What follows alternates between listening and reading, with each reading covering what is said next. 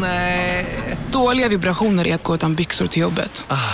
Bra vibrationer är när du inser att mobilen är i bröstfickan. Alla abonnemang för 20 kronor i månaden i fyra månader. Vimla! Mobiloperatören med bra vibrationer. Bara på Storytel. En natt i maj 1973 blir en kvinna brutalt mördad på en mörk gångväg. Lyssna på första delen i min nya ljudserie. Hennes sista steg av mig, Denise Rubberg. Inspirerad av verkliga händelser. Bara på Storytel. Hej och välkomna till ett nytt avsnitt av podcasten Billgren Wood. Jag heter Sofia Wood. Jag heter Elsa Billgren. Och det här är vår podd som handlar om trender och eh, samtidsfenomen som vi är intresserade av. Och eh, idag så ska vi prata om någonting som ligger oss båda väldigt varmt om hjärtat. Mm. Men där vi har lite olika förhållningssätt och infallsvinklar. Verkligen. Mm. Välkomna till avsnittet om vintagemode. Så får du en hållbar garderob.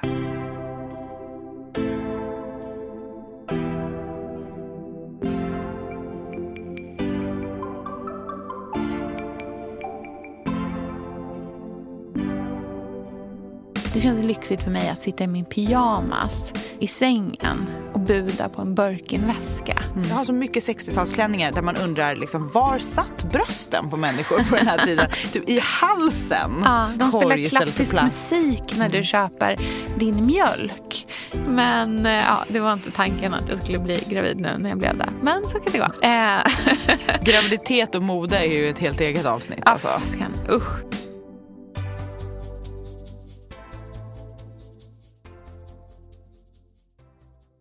Eh, Eh, dagens avsnitt kommer ju handla både om att liksom fynda för 10 kronor eh, såväl som att göra en investering för livet eller en investering på någonting som du har tänkt att du ska kunna sälja igen.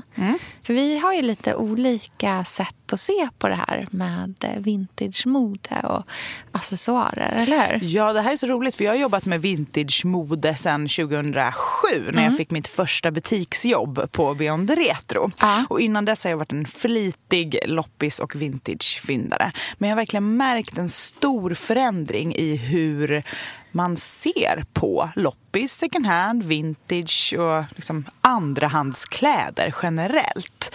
För tidigare var det ju så verkligen två olika läger. Auktioner, liksom fin vintage och design har ju alltid funnits.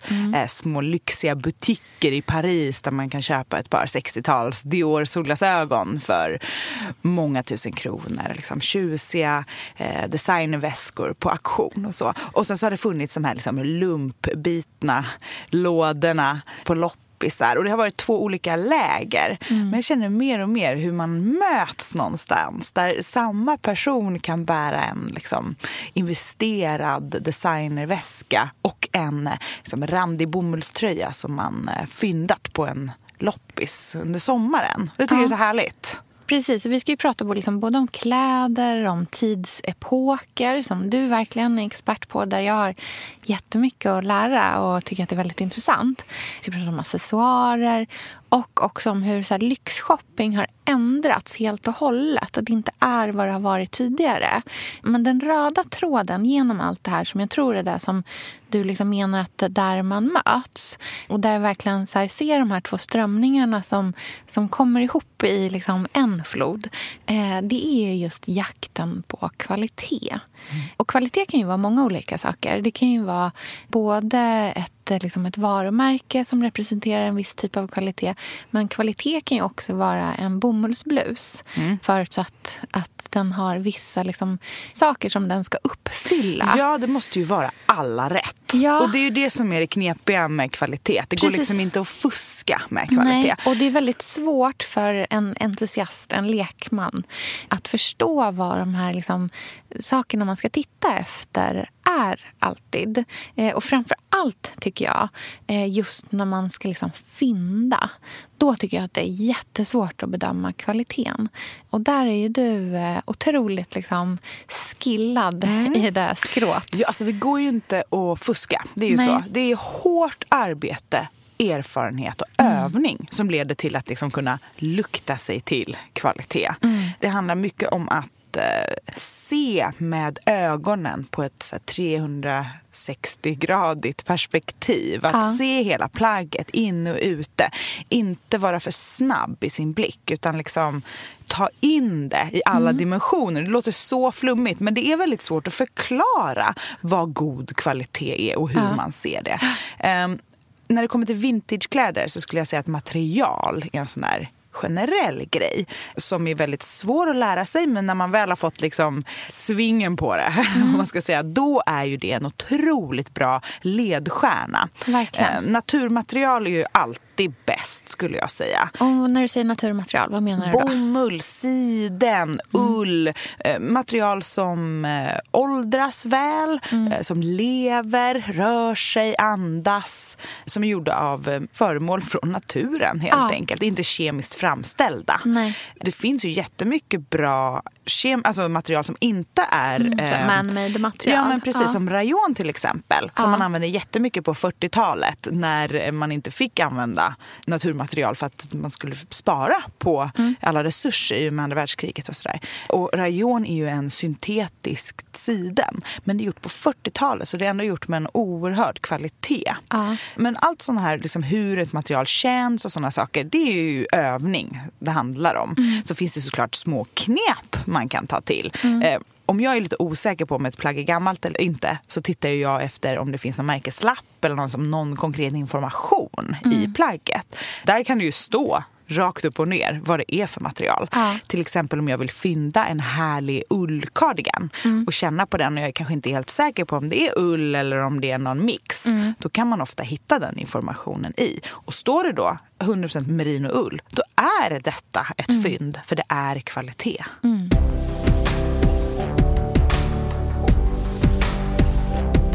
Men du, om man eh, bortser från materialet då, om man tänker att det är liksom grundplåten, vad mer ska man leta efter?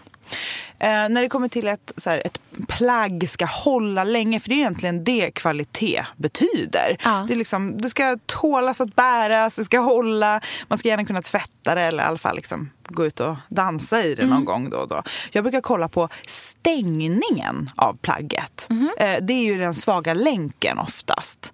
Tänker du Ehm, kedjor och ja, så, men, eller? eh, Ja. Mm. Dragkedjor, knappar, eh, sömmar, alla stängning. Alltså en, eh, materialet är ju helt Mm. ofta. Om det är ett hål rakt i materialet, då är det ju såklart svårt. Men det är Mm. ofta tydligt att se också om det är liksom ett hål rakt in. Så. Eh, Men stängningen, det är liksom de sköra, det är konstruktionen av plagget. Så där behöver man kika lite extra.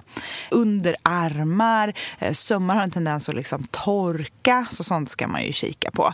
Eh, Knappar, är det original? Eh, vad är det. för material? Eh, Om man tittar på knappen, är det liksom någon pärlor eller någon plast? Mm. Är det metall? Där kan man ju också liksom datera plagget lite och Just se hur det. Mm. gammalt det ser ut. Dragkedjor är också en sån här bra grej för att åldersbestämma och kolla vad det är för kvalitet. Mm. Är det en matchande färg? Är det metall? Är det plast?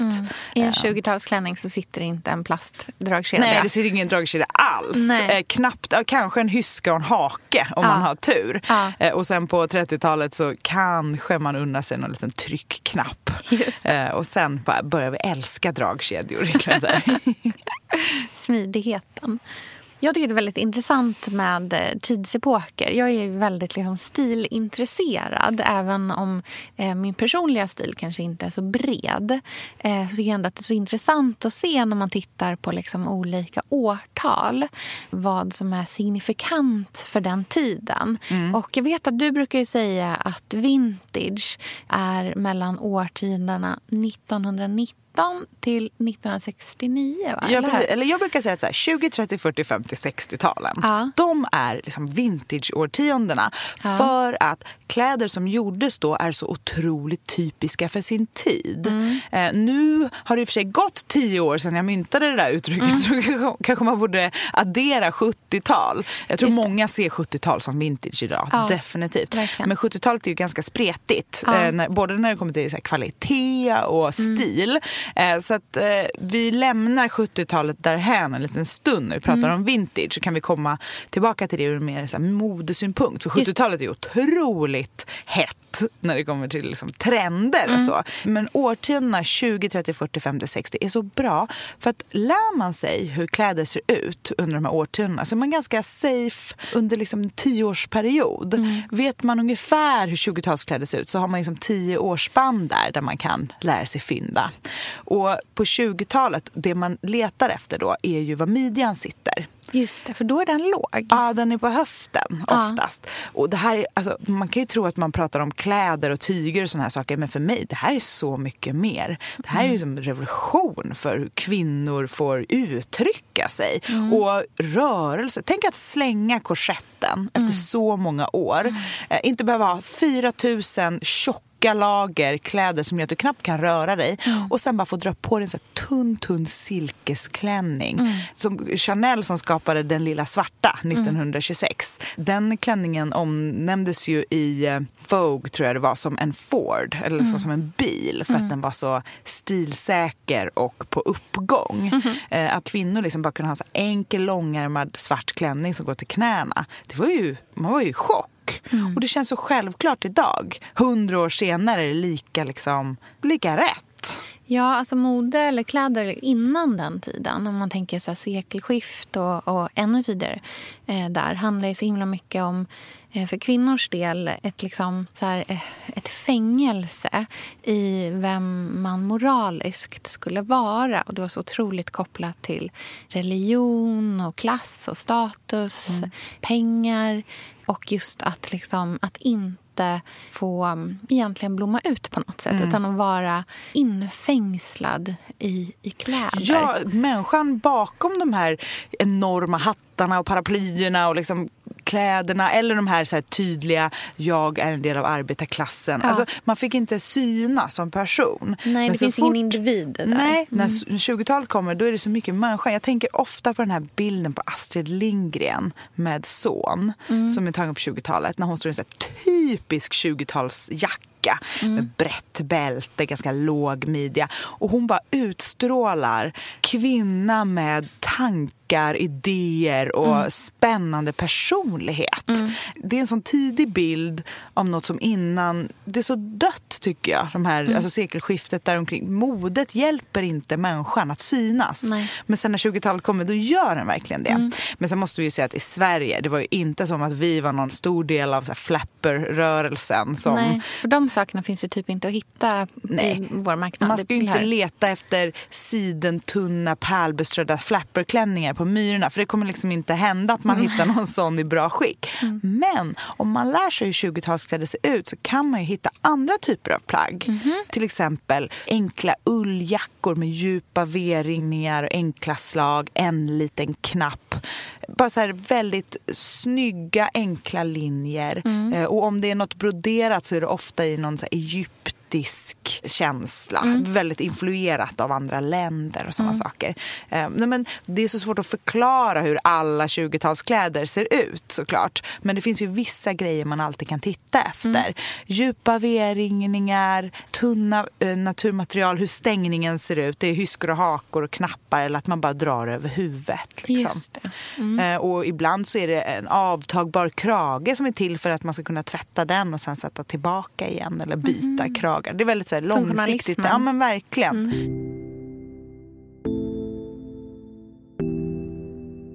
Sen kommer ju 30-talet. Det som är det enklaste att titta efter där är ju om kläderna är sydda på skrodden eller inte.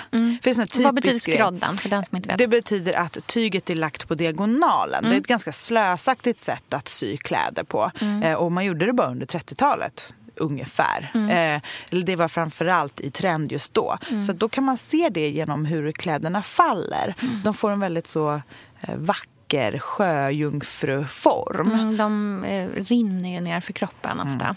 Och 30-talet är också väldigt så här, man gillar axlar och volanger och högt uppe och sen väldigt rak silhuett neråt. Mm, ganska svår stil skulle jag säga. Ja, alltså det passar ju, Ovanlig. du och jag som är päron, Ja. är vi trivs ju inte riktigt Nej. i den looken. Även om jag älskar 30-talet. Jag skulle gärna ha en klänning sydd på skrodden men Mm. det funkar inte på den här kroppen. Men det man kan tänka på är att på 70-talet så var Mm. man väldigt inspirerad av 30-talet. Och då gjorde man 30-tals liksom, influerade kläder fast med lite mer vidd i kjolen. Just det. Och det kan man ju, då kan man liksom gå mer åt det hållet. Mm. Om man känner att man vill ha den romantiska looken som finns där på 30-talet. Mm. Vad hände sen då? På 40-talet så är vi ju eh, mycket mer inspirerade av eh, att liksom, manligt mode. Kvinnor i arbetslivet är breda axlar, axelvaddar. Rediga jäkla axelvaddar. En liten peplum, alltså som en liten eh, minikjol över kjolen är väldigt typiskt. För att det ska se ut som att man har en dräkt på sig. Och så klädda knappar fram och sådana saker. Och här är det ju rayonmaterialet. Ofta ett litet skärp som matchar i samma tyg. Klädda knappar och också en typisk grej på 40-talskläder är dragkedjan som är i metall och små, små pluppar och en lite längre plupp längst ner. Just det. Det är en väldigt typisk 40-talsdragkedja. Och det hittar man ofta på klänningar. Att det är en liten vanlig dragkedja i midjan och en sån där med pluppar. Jag vet inte hur jag ska förklara det bättre. men det är en sån här typisk grej om man kollar på vintage. Som är i nacken. För det är väldigt höga halsar. Just så man behöver ha dragkedja både i sidan och i nacken. Just det, för att få på sig den. Mm. Och på 50-talet, det är ju mitt favoritårtionde på många sätt. Jag tycker om 50-talet för att det är så tillåtande Mm. och lekfullt och somrigt och liksom livsbejakande. Det Ehm, känns väldigt så här, ja, missförstå mig rätt, men naivt Ja, men det sätt, är det ju. liksom. Och är inte liksom våren och sommaren ganska naiv generellt? Absolut. Eh, Mycket handmålade mönster, rosor, blommor, smal midja och stor kjol, bomullstyg. Just det. prickar, ränder. Och om man ska köpa vintage så är ju liksom det säkraste investeringskortet en vintage 50-tals bomullsklänning. Den har ju ett konstant värde om den är i okej skick. Så du kan köpa den och bära den och sen alltid sälja den för lika mycket som du köpte den för. Mm. Du har många såna klänningar själv. Jag tänker verkligen att det är din eh, sommarstil. Nej, det är min uniform. Ja. Jag, har många, och jag köpte precis en som har ett helt otroligt tyg. Eh, som är ett print av en tapet. Den är helt magisk och så här guldbeige. Jag tänker att jag ska ha den till stråhatt och träskor i sommar. Som en Just liksom det. kontrast. Mm, vad härligt. Men sen kommer 60-talet. Mm, och det är ju sista årtiondet och det är ju för att det är så himla spretigt. I början på 60-talet så ser man ju ut som på 50-talet fast med högt hår. Ja, Den tiden som brukar kallas för Mad Men-eran. just det. Så fluffigt, högt hår och sen väldigt gulliga liksom, smalmidja, stor kjolklänning. Är det här den här Bardot-looken? Ja, men ju mer vi går igenom 60-talet desto mer eh, flower power Lolita blir vi. Mycket mer färg, mycket mer mönster, psykedeliskt och eh, så går midjan uppåt och hamnar mitt under bysten och ibland typ på bysten. Just det. Jag har så mycket 60-talsklänningar där man undrar liksom, var satt brösten på människor på den här tiden? typ i halsen. Ja.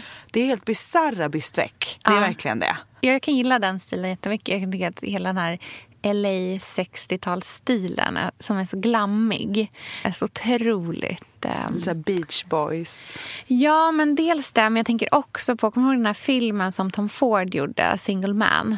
Nej, Eh, med Julianne Moore som utspelar sig på, på 60-talet med Colin Firth och Julianne Moore. Eh, och de har de här långa liksom sheet, hon går runt i, hon har mycket långklänning på sig.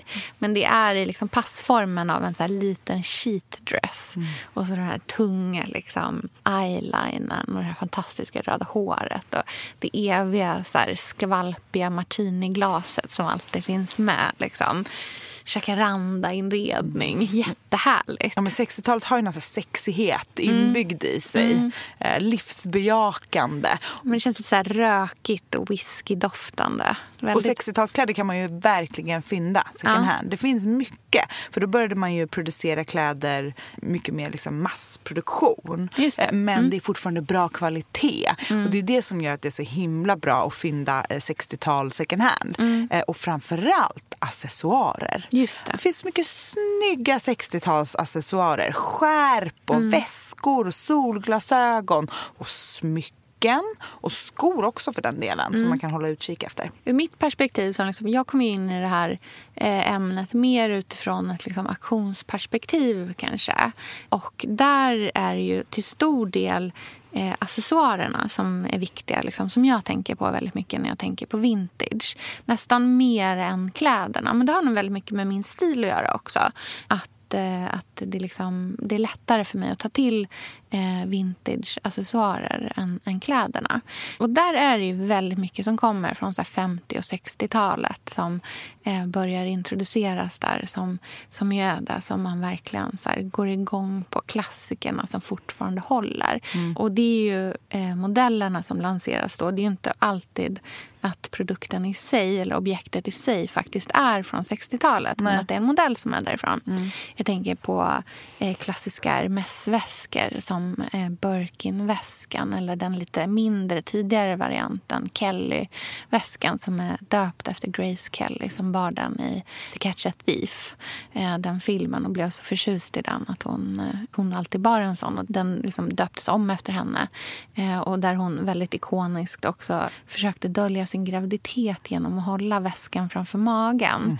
Eh, det är en sån liksom det finns en sån klassisk så här, tidig paparazzi-bild på henne där hon håller den här lilla liksom, ikoniska väskan framför magen. Mm, vi lägger upp den på Billigan Wood. Ja, den är så fin.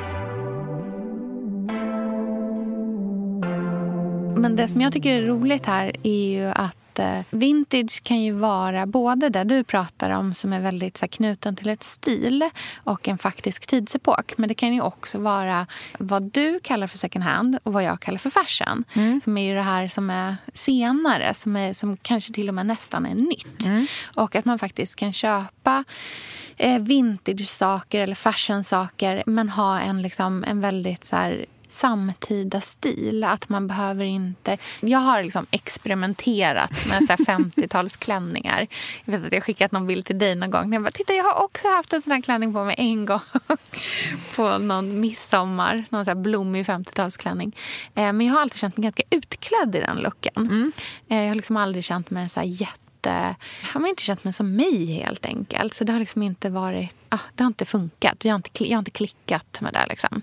Men att köpa nya saker fast inte behöva köpa dem på liksom förstagångsmarknaden. Det känns ju som ett så här stort lifehack. Ja, det är världens bästa grej. Ja, och både tänker jag ur ett, så här, alltså ett prisperspektiv men också ur ett så här hållbarhetsperspektiv. Att man faktiskt köper det som redan finns tillverkat snarare än att hela tiden gå på, på nyproduktionen. Nu är det inte så att jag själv liksom köper extremt mycket av det här men jag är väldigt intresserad av det. Det är ju sådana objekt som man liksom verkligen kan kalla för lyx konsumtion, alltså så här lyxobjekt. Fina märkesväskor eller liksom bijouterier eller ja, men andra typer av liksom, accessoarer. Där man tidigare, liksom, när man sett på så här lyxkonsumtion, eh, hur man upplever det, det har ju verkligen ändrats otroligt mycket de senaste åren. Eh, och det har varit ganska svårt för lyxbranschen att så här förhålla sig till den här förändringen. För förr brukade det ändå vara så att liksom, lyxshopping, det var att man eh, kanske klädde upp sig. Man gick till en så lyxig high-end-butik i ett lyxigt område. Eh, man pratade med en säljare som var en expert som slog in ens produkt i silkespapper. Man kanske fick ett glas bubbel. Och så gick man därifrån med en eh, påse med ett stort varumärke på. Eh, man kanske sparade den där påsen och hängde upp den på väggen sen. Du vet att jag har jättemånga sådana påsar. Jag vet att du har det. Ja, är min men de är kompis- fina. Men jag, den första påsen jag hittade var i en soptunna. Hittade jag en Acne-påse i en soptunna, alldeles knögglig. Jag bara, vad är det här för godbit? Lurkade fram och bara, den här vill jag ha. För jag hade sett på någon Instagram-bild att det var någon som hade haft den liksom på en spik på väggen. Ja. Och kände jag så här, okej, jag ska ha den här på en spik på väggen. Eh, Men Pontus skämdes så otroligt mycket för att jag såg rota i en soptunna. Men jag är ju skolad att rota i containrar efter grejer. Så jag är Ja. så här, no shame. Nej, men Ja. no shame. Och eh, sen dess, så när Gustav såg den på min vägg så har han eh, tagit med sig lite så här Gucci, Dior, lite Han sådana din- påsar han är din till mig. kran. Ja, han är min kran till designpåsar. Jag skulle aldrig liksom köpa något nytt där på Nej. någon sån butik för att få en sån påse. Men härligt att så här skryta lite med påsarna. Ja, ja, men det är ofta fina påsar. Det är så här välgjorda påsar. Liksom. De är snygga. Ja, det, det läggs mycket effort i att ta fram den där påsen. Och det säger ju någonting om så här, varför är det så. Men idag så tycker jag liksom att så här, de, allt vad som har varit regeln kring lyxkonsumtion det har liksom ändrats idag. Det har gått ganska fort. Och lyx, liksom, upplevelsen när det kommer till just lyxprodukter. För det är det här som är det viktiga, att det är när det är lyxprodukterna. Det är, liksom, det är mindre viktigt med upplevelsen och mer viktigt med produkten i sig. Medan däremot så kanske lyxupplevelsen har blivit superviktig för när du ska handla mat eller när du ska köpa mer så dagligvaror. Den typen av, liksom, den typen av så här varje dag-köp. Det går vi mer och mer åt att det vill vi paketera i en så lyxig liksom, känsla som möjligt. Jag tänker så här, Kajsa Warg eh, här Så i Stockholm. härliga mataffärer där Ja, man, där man med korgar trägolv. som är gjorda i bast. Ja, Eller så här riktigt exakt. flätad eh, Precis, de spelar klassisk. Mm. musik när du köper din mjölk. Där, det är vi jättedragna till. Medan den här eh, lyxiga liksom, eh, butiken på Rodeo Drive eller liksom någon annan sån typisk... Det känns kanske inte Mm. Då är riktigt lika kö, modernt längre. Kineser i tio meter. Ja, men hela den köar upplevelsen... för att köpa sin nya Chanel. Ja, precis. Och hela den upplevelsen är liksom inte samma sak längre. Eller vi letar inte efter samma sak. Och här har ju klockindustrin verkligen varit en föregångare. Där har man ju verkligen lämnat till stor del vikten av nyproduktion och liksom att köpa sin Rolex i en flådig Rolex-butik. Men när man istället hittar liksom online-marknadsplatser där det bara handlar om objektet i sig, ingenting om paketeringen. Men just att det kanske är ett objekt som har alla de rätta attributen för objektet i sig. Att det inte eh, har reparerats, man har inte bytt ut några originaldelar eller proveniensen. Vem har ägt det här tidigare? Hur har liksom ägarskapet sett ut? Eh, sådana saker kan liksom påverka värdet jätte, jättemycket. Men det är ingen som bryr sig om ifall det spelas klassisk musik samtidigt som du ska köpa det här klockan. Liksom. I och med att vi liksom idag eh, konsumerar inspiration och upptäcker produkter på otraditionella sätt. Alltså jag tänker så här, digitalt eller sociala medier. Eh, att vi inspireras av en, liksom en person, en influencer snarare än att det är en glossig tidning som dikterar vad det är vi ska köpa. Då har vi även liksom öppnat upp för att eh, sättet att konsumera produkten på också kan vara otraditionellt.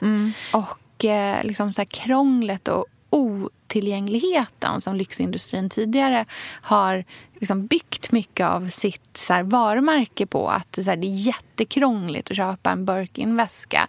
Du kan inte köpa det eh, online. Du måste åka till en butik. Du måste skriva upp ditt namn på en lista. Du får vänta. Eh, den typen av så här, krångel är ju lyxindustrins största hot idag. För vi har inte tid och ork med det där. Nej. Vi vill ha enkelhet och smidighet och jag vill kunna klicka hem någonting. Det känns lyxigt för mig att sitta i min pyjamas i sängen och buda på en Birkin-väska. Det är en ny typ av lyx. Liksom. Förstår du vad jag menar? Verkligen.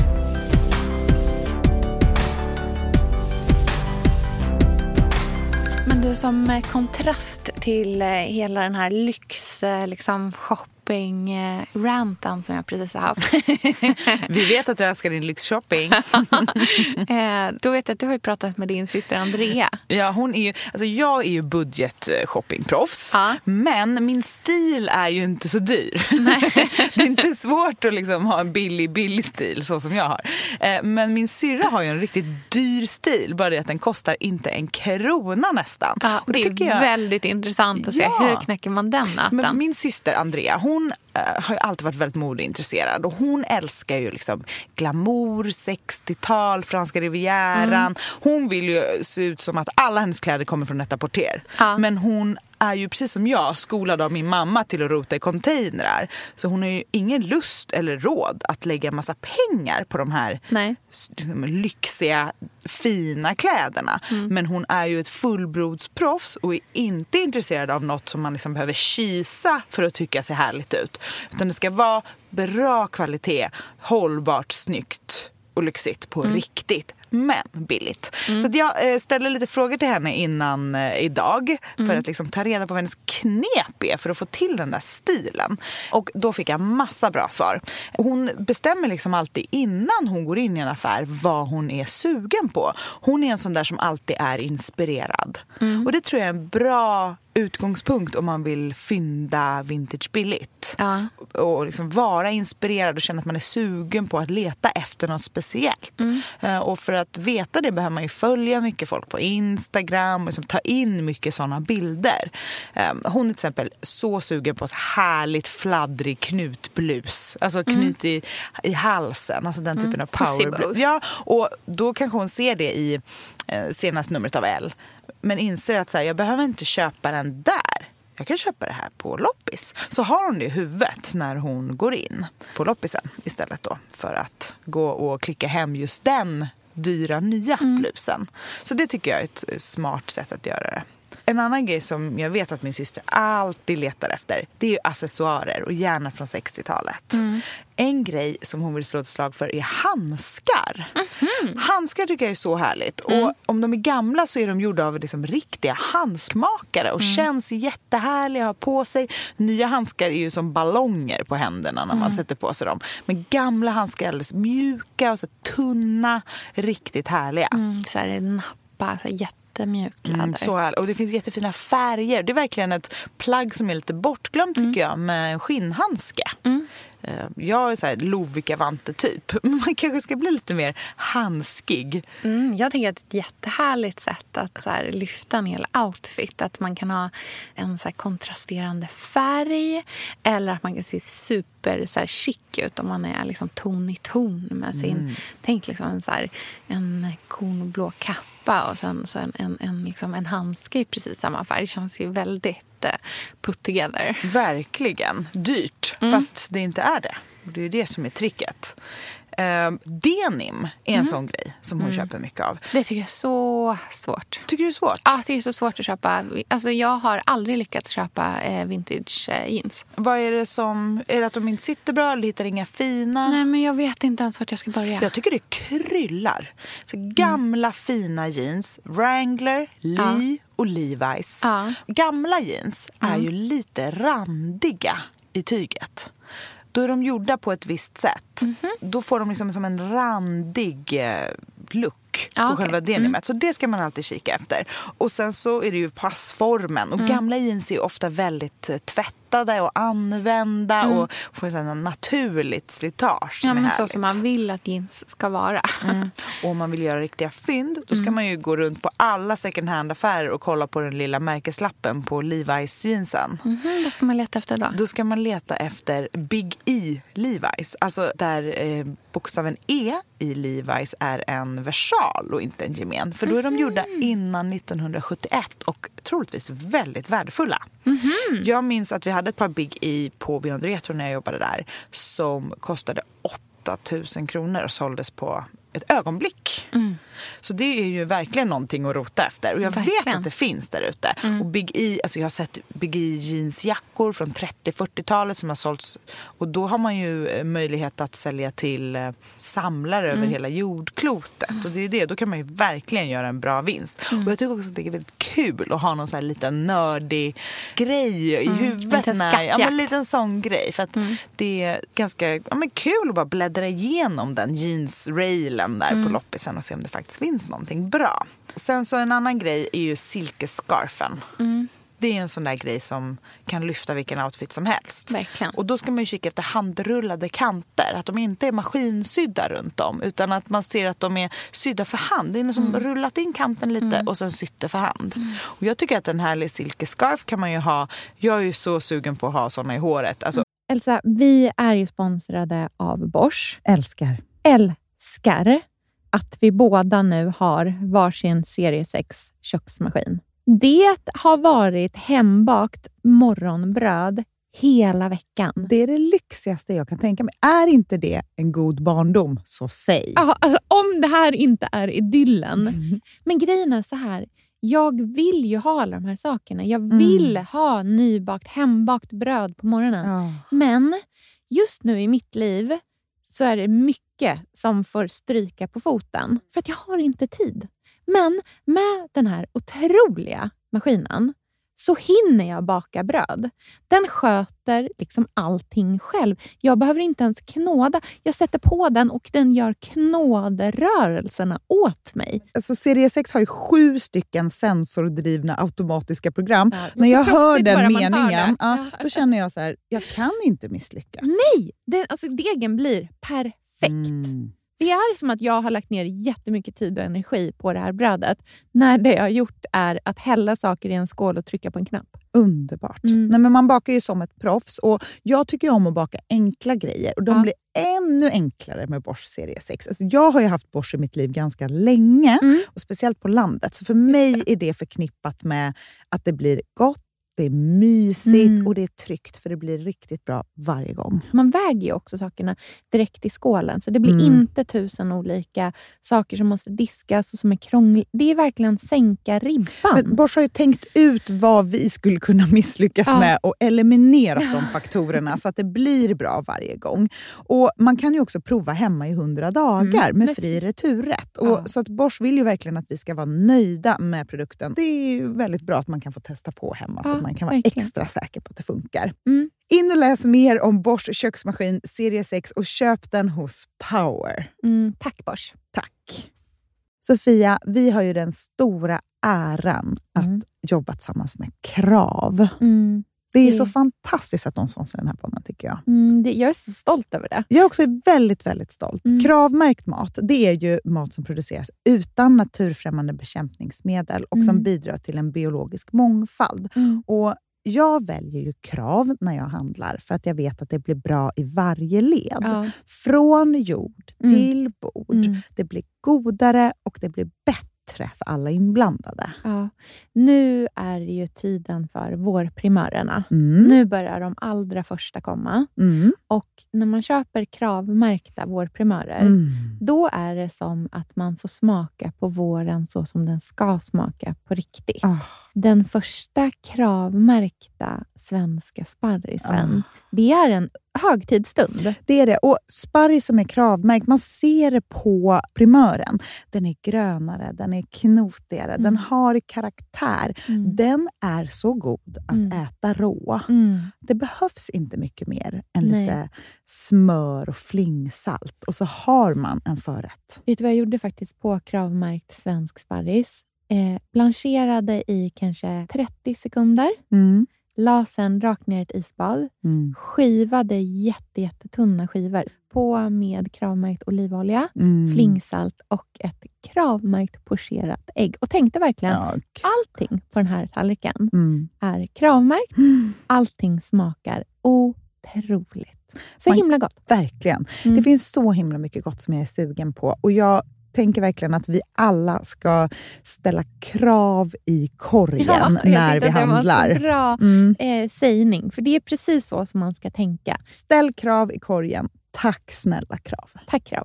Sofia, den här veckan har vi ett jättefint och viktigt samarbete med Plan International, Mm. en av världens största och äldsta barnrättsorganisationer med verksamheter i över 80 länder. Och nu tänkte jag att jag ska berätta för alla, för dig och för alla som lyssnar här om eh, Asiato som är 15 år gammal och kommer från Sierra Leone. Den här berättelsen visar också hur vi kan göra skillnad för flickor faktiskt. För trots Mm. sin unga ålder så har Asiato redan upplevt väldigt mycket smärta. Hon har blivit utsatt för våldtäkter under hela sin barndom. Och eh, hon berättar att hon inte vågade säga någonting om de här övergreppen till någon. Och att hon därför inte hade någon runt sig som märkte något förrän hon blev gravid. 13 år gammal. Man är så liten Mm. när man är 13. Mm. Kan du tänka... Alltså jag, nej, jag, det är svårt att tänka Mm. sig att ett barn ska bli barn, mamma vid, i den Mm. åldern. Men tack vare Plan International så har hon fått stöd och bearbeta allt det här fruktansvärda som hon har varit med om under så många år av hela sin barndom. Och nu Mm. så är hon mer hoppfull inför framtiden igen. Ja, barn ska inte föda barn. Och vill du vara med och kämpa för att flickor som Asiato ska få en barndom fri från våld och sexuella övergrepp, bli flickafadder för 125 kronor i månaden hos Plan International på flickafadder.se. Eller om du hellre vill ge en engångsgåva så kan du swisha till nummer 900 14 70. Eh, alltså 900 900 14 70. Tack Plan International.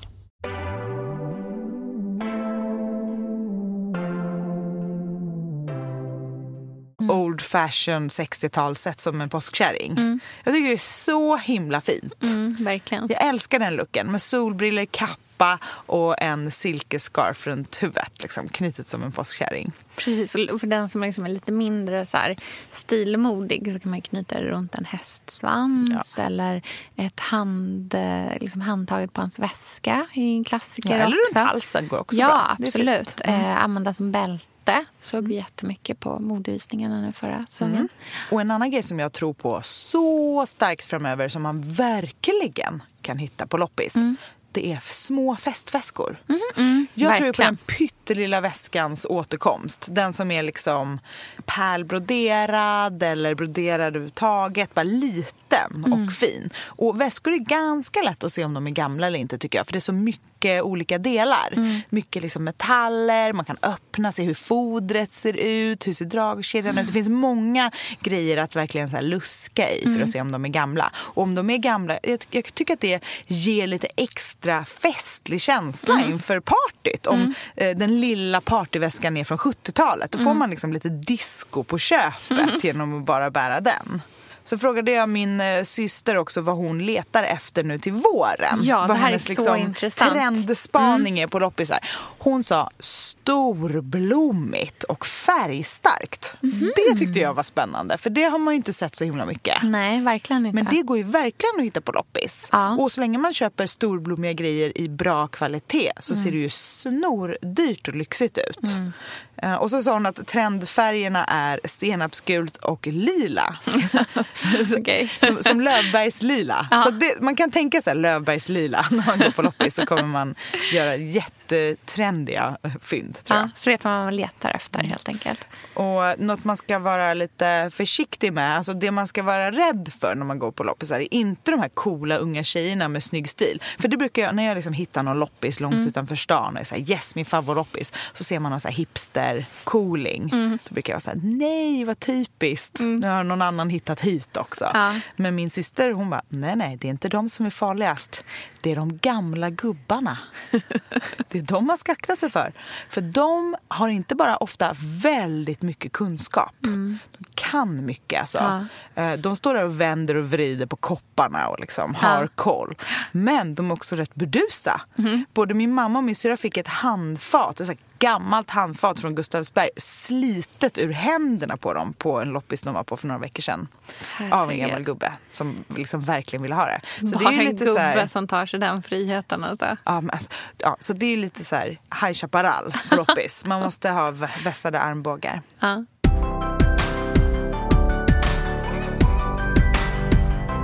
Jobbar ju med auktion, Sofia. Men vad är dina liksom, bästa köp på auktion och vad har du sålt på auktion? Jag eh, har eh, sålt en hel del eh, fashion faktiskt på auktion. Saker som du har köpt nytt då? Nå, men så här faktiskt. Mitt eh, eh, trix som har gjort att jag har tjänat ganska mycket pengar på när jag har sålt sånt här. Det är att jag har sålt eh, riktiga så här, super mega rea-fynd. Av väldigt fina varumärken. Och där är det så här att om man eh, åker till Köpenhamn Där finns det varumärken som, ja, men som nu finns här också nu, men som till exempel Celine och så, som säljs hos liksom så multibrandbutiker.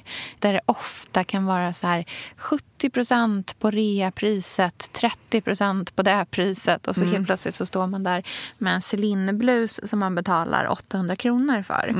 Och sånt har jag köpt. Kanske burit eh, någon gång eller två, men liksom, ja, inte, det har inte varit saker som jag bara så här känner att jag älskar. Men har du köpt det då med tanke på att du ska sälja det? Men jag har köpt det med tanke på att så här, bara, men det här är en lite rolig grej eh, och det är ett väldigt bra pris. det Jag här kan är en. Instagram-bild och ett party. Sen, sen åker den typ, ut. det, här, det här är ett bröllop och sen, så, sen så kan jag sälja den.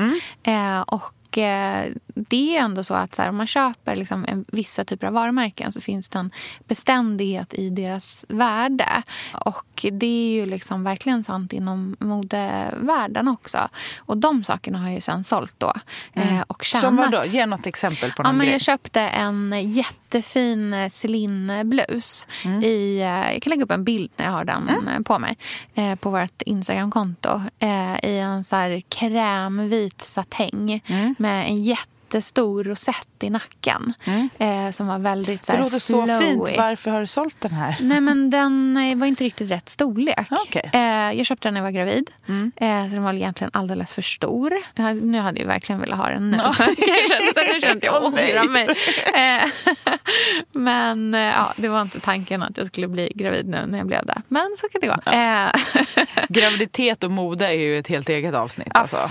Usch. Så den köpte jag då och bara bar kanske jag bar den på Ellegalan och jag bar den på ett bröllop.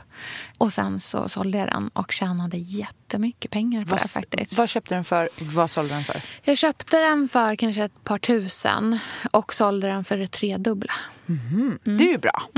Det var ett eh, jättebra Och jag menar, köp det är ju ingen lur för att alltså, auktion, det är ju den som vill betala för något. Ja, ja, betalar absolut. ju för Ja, det. ja, så gud, det är ju Jag väldigt liksom, bara diplomat, eller vad heter det, demokratiskt. Ja, det är demokratisk prissättning. Det är marknaden som bestämmer vad saker och ting ska kosta. Mm. Det var Liksom. bara att du gjorde ett bra fynd. Jag gjorde ett väldigt bra fynd. Och nu vill du köpa tillbaka den. Så om du var den som har köpt den här Sofia får du sälja tillbaka den för det tredubbla igen. Ja, exakt. Det blir världens sämsta köp där för mig i slutändan. Och eh, sen har jag även köpt en eh, jättefin eh, Gucci-väska eh, från 60-talet. Oh, Det låter ju ljuvligt fint. Ja. Är det här något du har köpt var? Eh, den har jag köpt... Vart fanns Det var så många år sedan jag köpte den. Den köpte jag på en fransk sajt. Ja. Eh, Som en second hand-sajt Ja, eller? Som en precis. butik Ja, fast precis. online. Eller det är faktiskt så här, det är en butik som har, den, den ligger i Nice. Vad är det de heter? Typ så här, Mademoiselle Nice tror jag de heter. Ehm, det, är ett fanta- det är en fantastisk liten eh, affär som även har då en, en vintage, eller som, som har online-shopping. Och där har jag köpt eh, en jättefin 60-talsväska från Gucci och en Chanel, en randig Chanel-skjorta som är en sån riktig klassisk, ser ut som åt- den är nog från 80-talet Mm. skulle jag tro. Eh, jag kan ha den på mig någon gång så kan du få se för den funkar när man är Ja, du har preggers den kvar i också. alla fall. Den du den har jag kvar. Nej, den jag inte sålt.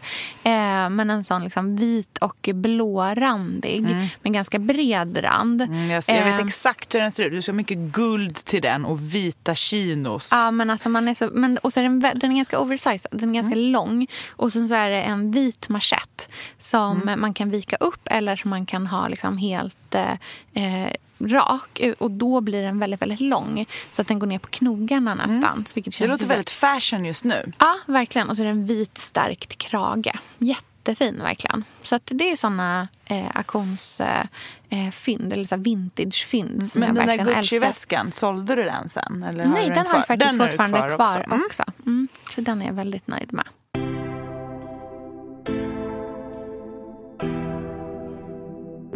Men du, om vi ska bli lite konkreta. Mm. Hur ska man tänka för att eh, liksom lyckas fynda, tycker du?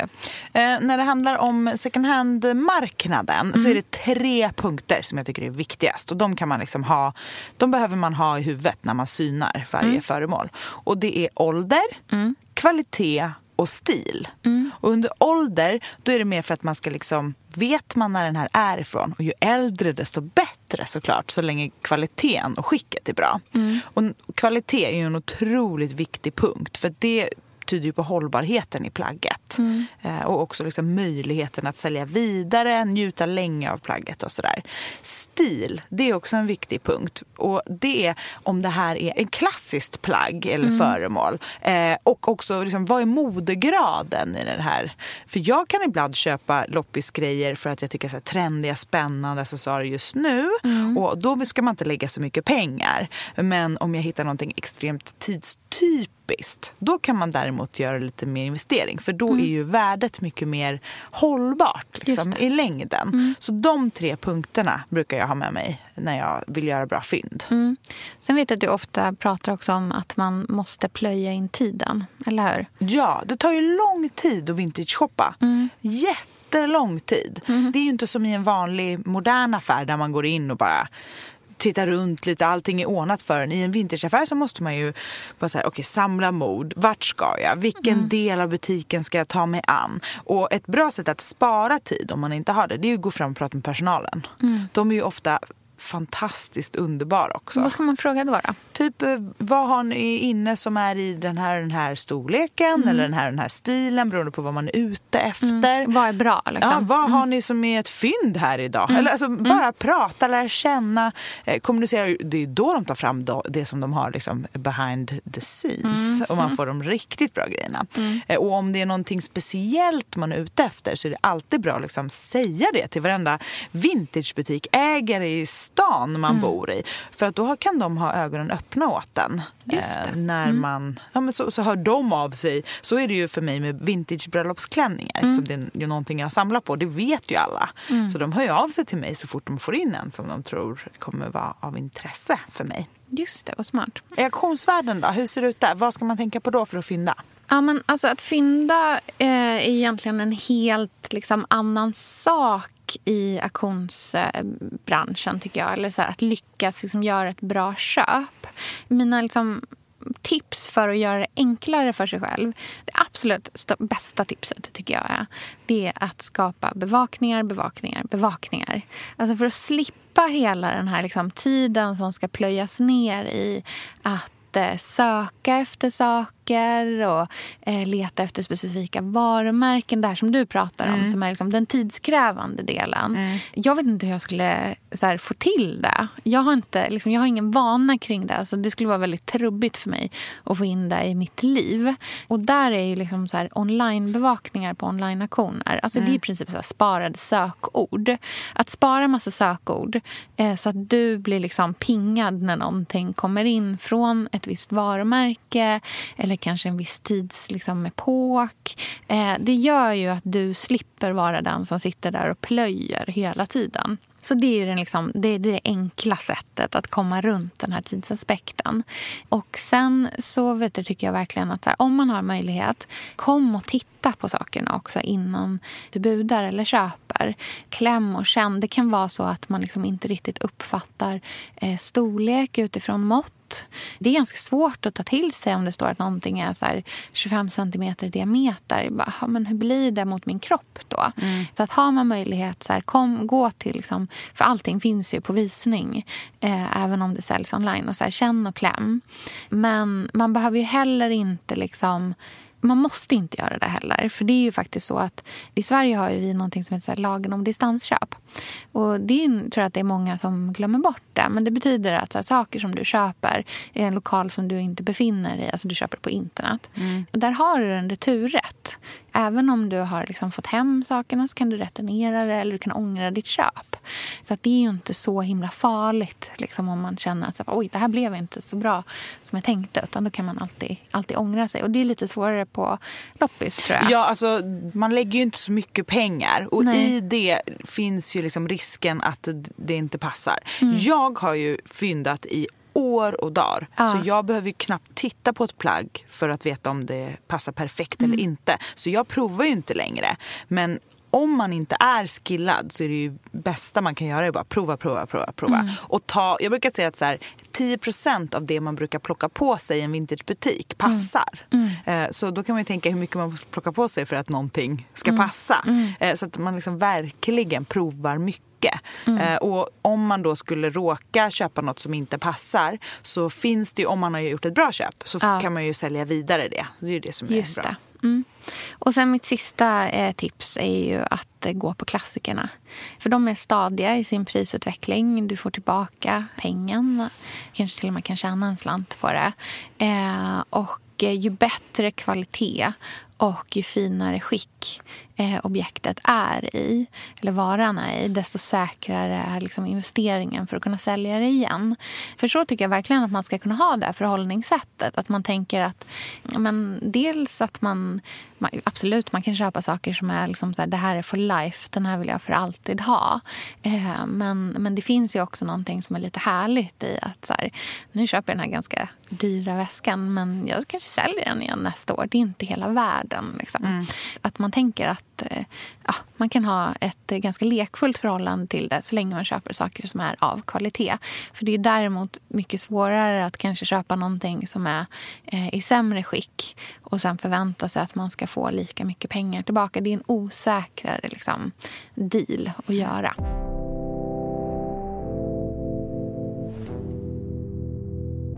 Vi ska inte bara sitta själva här och prata idag utan vi ska faktiskt ringa en expert på mitt jobb. Ja, en riktig expert.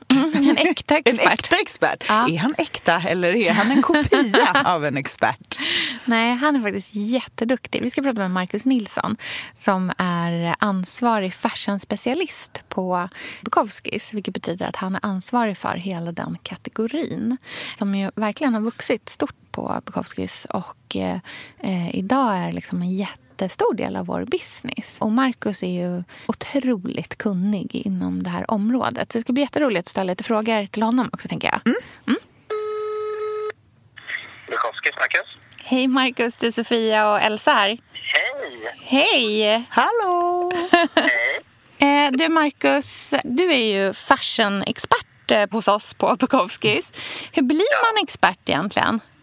Alltså det finns ju, vad ska man säga, det, är, alltså det finns ju egentligen ingen så skola man kan gå. Det finns så mycket så här, eh, modehistoria och sånt. Men just det här, det som är ett av det viktigaste, det är ju att kunna se skillnaden på äkta och oäkta mm. eh, idag eftersom det florerar så otroligt mycket kopior. Mm. Eh, och de blir bara bättre och bättre.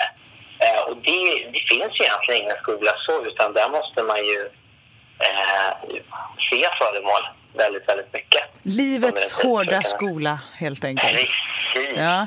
Så du är tvungen i jobbet att köpa jättemycket härlig äkta design som du kan. Precis, och då får jag jämföra med mina kompisars kopior. Ja, exakt så. Då lär jag mig. Nej, men här, jag tycker det här är så otroligt intressant. Hur gör du? Vad letar du efter för att se hur någonting är äkta? Alltså, det, framförallt, alltså det finns ju bra och dåliga kopior. Eh, och när vi, och jag kan bara berätta hur det går till när vi tittar här på Bukowskis, jag och mina kollegor.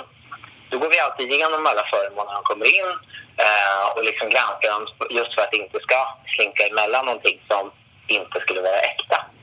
Eh, och vi dubbelkollar ju alltid varandra. Och är det så att det är någon av oss som känner oss lite osäkra, då frågar man alltid den andra sådana saker.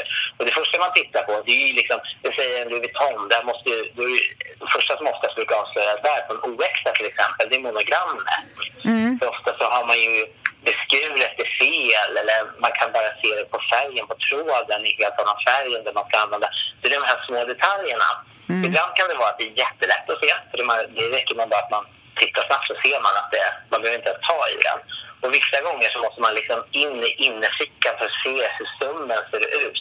Mm. För det är oftast där det avslöjar. Det kan vara limrester som kommit ut. Och är liksom, har du köpt en väska för 30 000 då ska det inte se ut på det sättet till exempel. Nej, man letar efter fel helt enkelt. Ja, precis.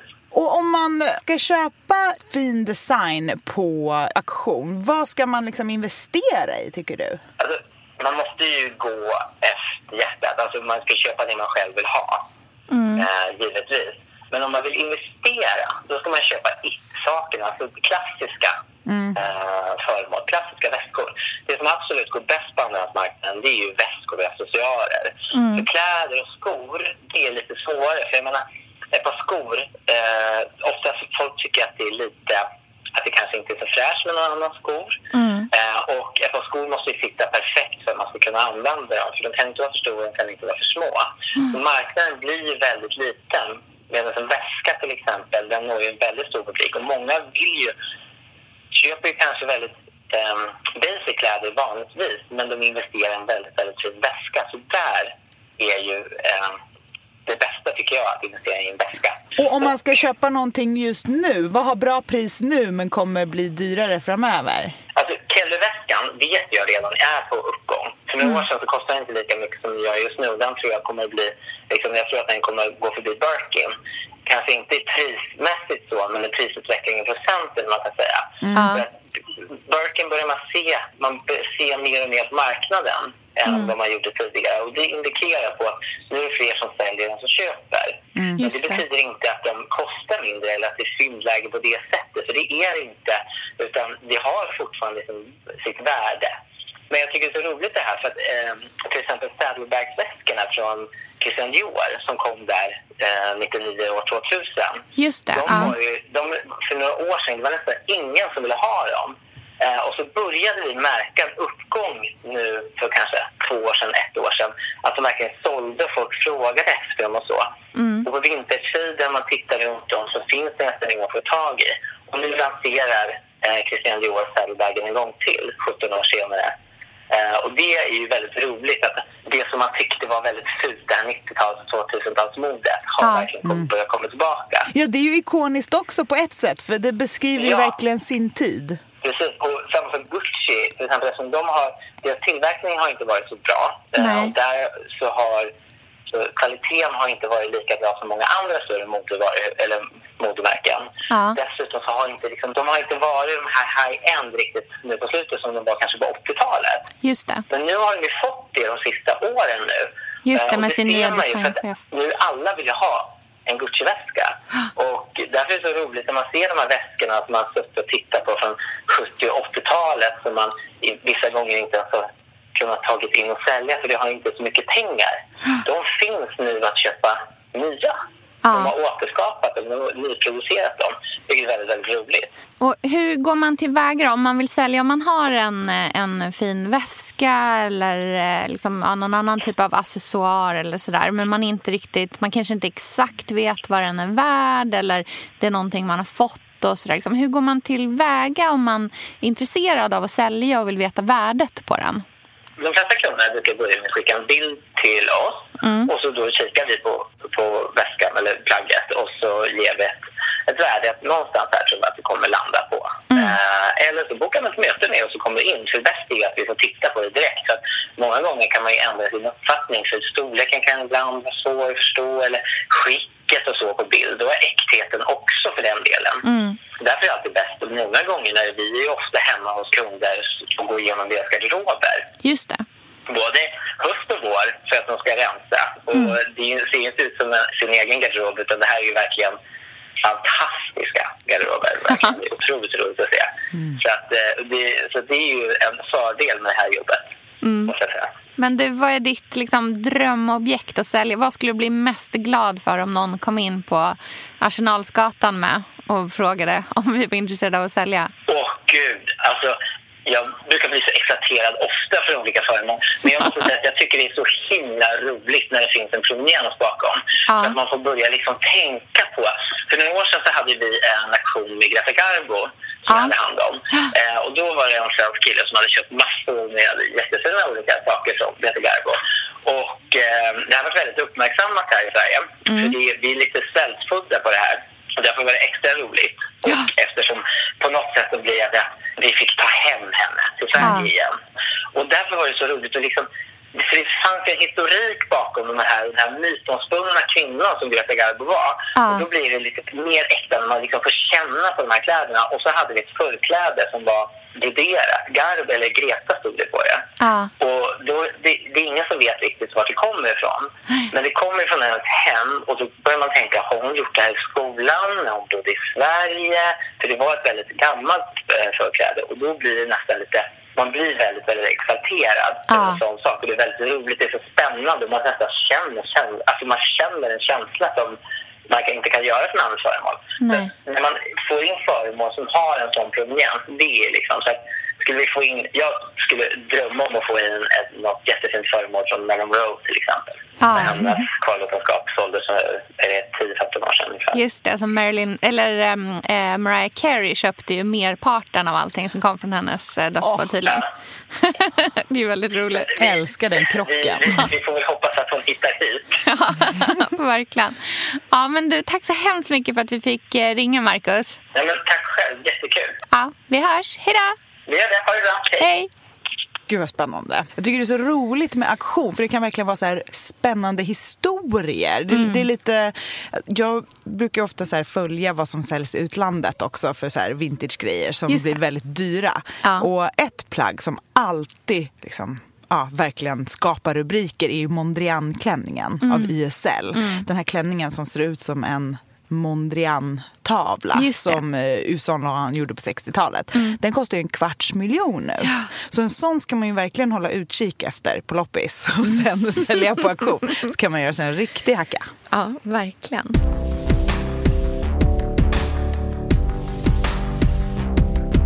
Men om vi ska prata om den hållbara garderoben. För Ja. det är det som är så härligt med vintagekläder och accessoarer. Mm. Att man kan liksom bygga en asfin, personlig och hållbar stil. Mm. Och drömmen tycker jag, om man ska utgå från att man liksom har 100% second hand på Ja. Mm. sig. Vi lever i den världen då, att, att man har 100% second hand.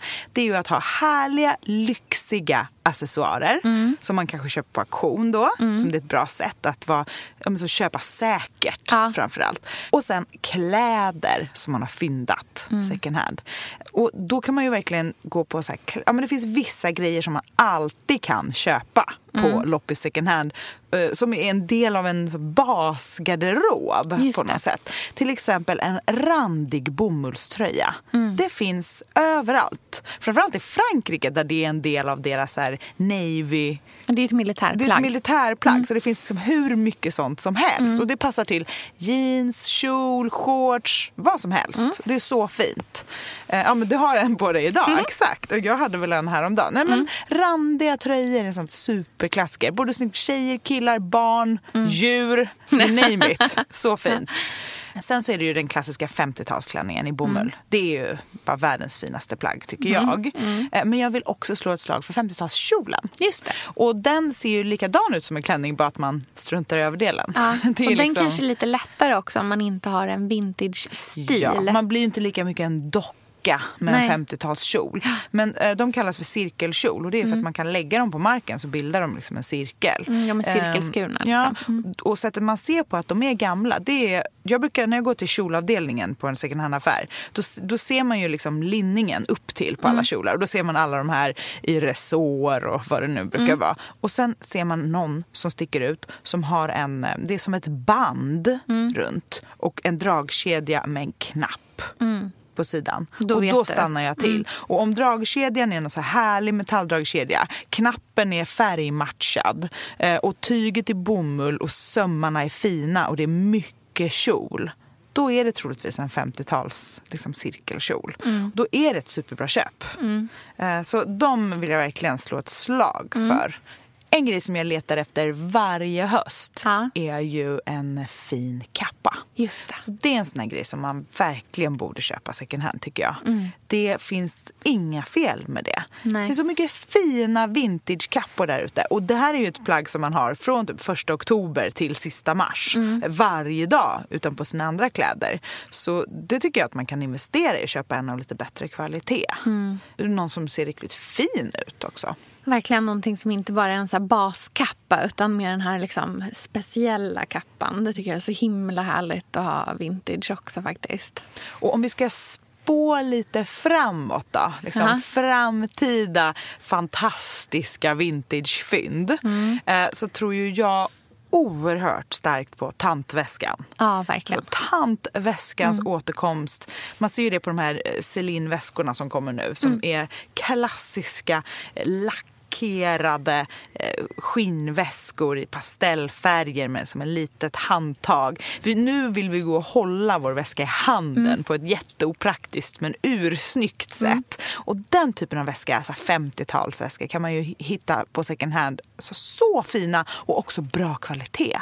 För när de är gamla, om de är liksom 80 år gamla så är de gjorda på ett ganska bra sätt oftast. Ja, men verkligen. Jag tänker så här, mitt tips för så här, framtidsspaning, att, så här, att förutspå trender inom det här, det är egentligen att titta på de stora modehusen och vad de visar just nu. För de visar vad som kommer i butik om ett halvår oftast. Eh, och det är nästan alltid inspirerat av en annan tidsepok. Så att visar Prada 60-talsväskor, ja men spring ut och köp en riktig 60-talsväska eller investera i en klassiker som kommer från den epoken. Alltså så här, om du vill vara trendriktig så titta på det som görs nu men som ändå är väl, det har ofta väldigt tydliga referenser till liksom bakåt. Eh, och det gäller ju liksom alla från Eh, jo, men just så här, Prada, Miu Miu, deras liksom underlinje, eller systerlinje ska man väl säga eh, Balenciaga. Alla möjliga gör ju saker där det finns en väldigt så tydlig referens hela tiden. Och där har du ditt så facit på den kommande trenden mm. inom modevärlden. Ja, och det kan man ju verkligen se på accessoarer. När det kommer till kläder, kläder, ja. då gillar jag den här klassiska stilen som passar de flesta och passar i många olika kombinationer. Mm. Som till exempel den vita blusen. Just det. Det tycker jag är ja, men världens finaste plagg. Mm. Jag har det under klänningar, ja, till kjol och hade haft byxor. Du vet att min syster kom hem till mig med ett par jeans häromdagen som hon hade köpt second hand. Aha. Ja, de passade inte riktigt. Men det är nära nu att jag sätter på mig ett par jeans. Ja. Måste bara hitta rätt par först. Oh, men det är ju så fint med ett par träskor, fina jeans, vit blus, sjal i håret och gamla solglasögon. Ja. Behöver aldrig mer ha ett nytt plagg på dig någonsin känner jag. Gud vad härligt. Ja, men det här ser jag verkligen. Jag ser fram emot att se din nya jeansstil. Det är så här, min utmaning till dig innan 2018 är över. Verkligen. Du vill se en byxa på dig. Ja, det mm. ska vi nog ordna. Nej, men jag känner så här, om, om vintage var en religion, då är mm. jag liksom, jag vill, då, då är jag, vad heter det? Nej vänta, gud det här var så dåligt. Fanatiker. då, är jag fan, då är jag extremist. Ja, och när jag hittar... Det är liksom typ en... sant också. Men det är sant. Ja. Jag skäms inte. Nej. Nej, nej, nej. Jag skäm... Det är det som är så himla bra med vintage, att det finns inga dåliga sidor. Nej, fantastiskt. Det, det är som kärlek. Ja, gud vad härligt. Ska vi lämna veckan där? jag tror det. Ja, gud vad mysigt. Tack så hemskt mycket för ett väldigt utbildande avsnitt. Jag känner att eh, så fort jag klämt ut den här ungen så är det du och jag som går på eh, liksom vintage-runda. Gud ja. Så får du guida mig Det vill jag så gärna. Och så, så får grejerna. du hjälpa mig att göra en investering. Jag, ja. jag är en sån där som alltid köper liksom, om jag ska unna mig någon väska då klickar jag hem något från Net-a-Porter-rean och så är det så här härligt men det, det är inte du riktigt. Nej, men jag vill det ha är inte riktigt din grej. fin gammal goding. Ja, mm. jag tycker verkligen att du skulle ha en sån. Det tycker passar i din nya lite liksom, lyxigare vintage ja, min, som du, du menar min amish slash uh, lyxstil? Nej, ja. shabby lyx. Shabby lyx. Varje gång kommer jag tillbaka till shabby lyx. Precis. Mitt favorituttryck. Ja, jag tycker att det passar. Du behöver en, en riktig klassiker, en riktig klassisk väska som du kanske har i liksom 30 år eller någonting. Mm. Mm. Unna dig det. Mm. Sälja av 400 50-talsklänningar först. Värt. Ja, jag säger till när det är bloppis. Toppen. All right. Tack för den här veckan. Kom ihåg att följa oss på Bill Greenwood på ja. eh, Instagram och man kan alltid mejla till oss på en Gmail som är billgreenwoodpodcast@gmail.com. Och har ni några tips på ämnen eller frågor eller vad som helst så är det bara att bombardera oss med DM på Instagram. Eh, när vi får ihop tillräckligt många så blir det frågepoddar eller så svarar vi direkt. Mm, härligt. Vi hörs. Hej då. Hej.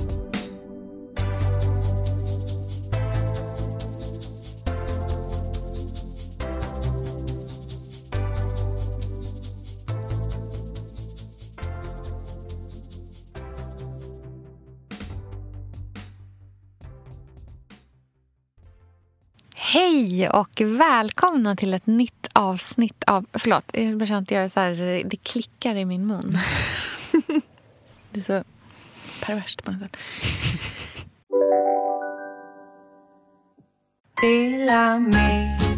Hej! Är du en av dem som tycker om att dela saker med andra? Då kommer dina öron att gilla det här. Hos Telenor kan man dela mobilabonnemang. Ju fler ni är, desto billigare blir det. Skaffa Telenor familj med upp till sju extra användare. Välkommen till någon av Telenors butiker eller telenor.se. Här sitter jag i en ljudstudio tillsammans med ett sjölejon för att berätta att McDonalds nu ger fina deals i sin app till alla som slänger sin takeaway förpackning på rätt ställe. Även om skräpet kommer från andra snabbmatsrestauranger, exempelvis Eller till exempel... Ja, precis. Om en yogamatta är på väg till dig, som gör att du för första gången hittar ditt inre lugn och gör dig befordrad på jobbet men du tackar nej för du drivs inte längre av prestation. Då finns det flera smarta sätt att beställa hem din yogamatta på. Som till våra paketboxar till exempel. Hälsningar Postnord.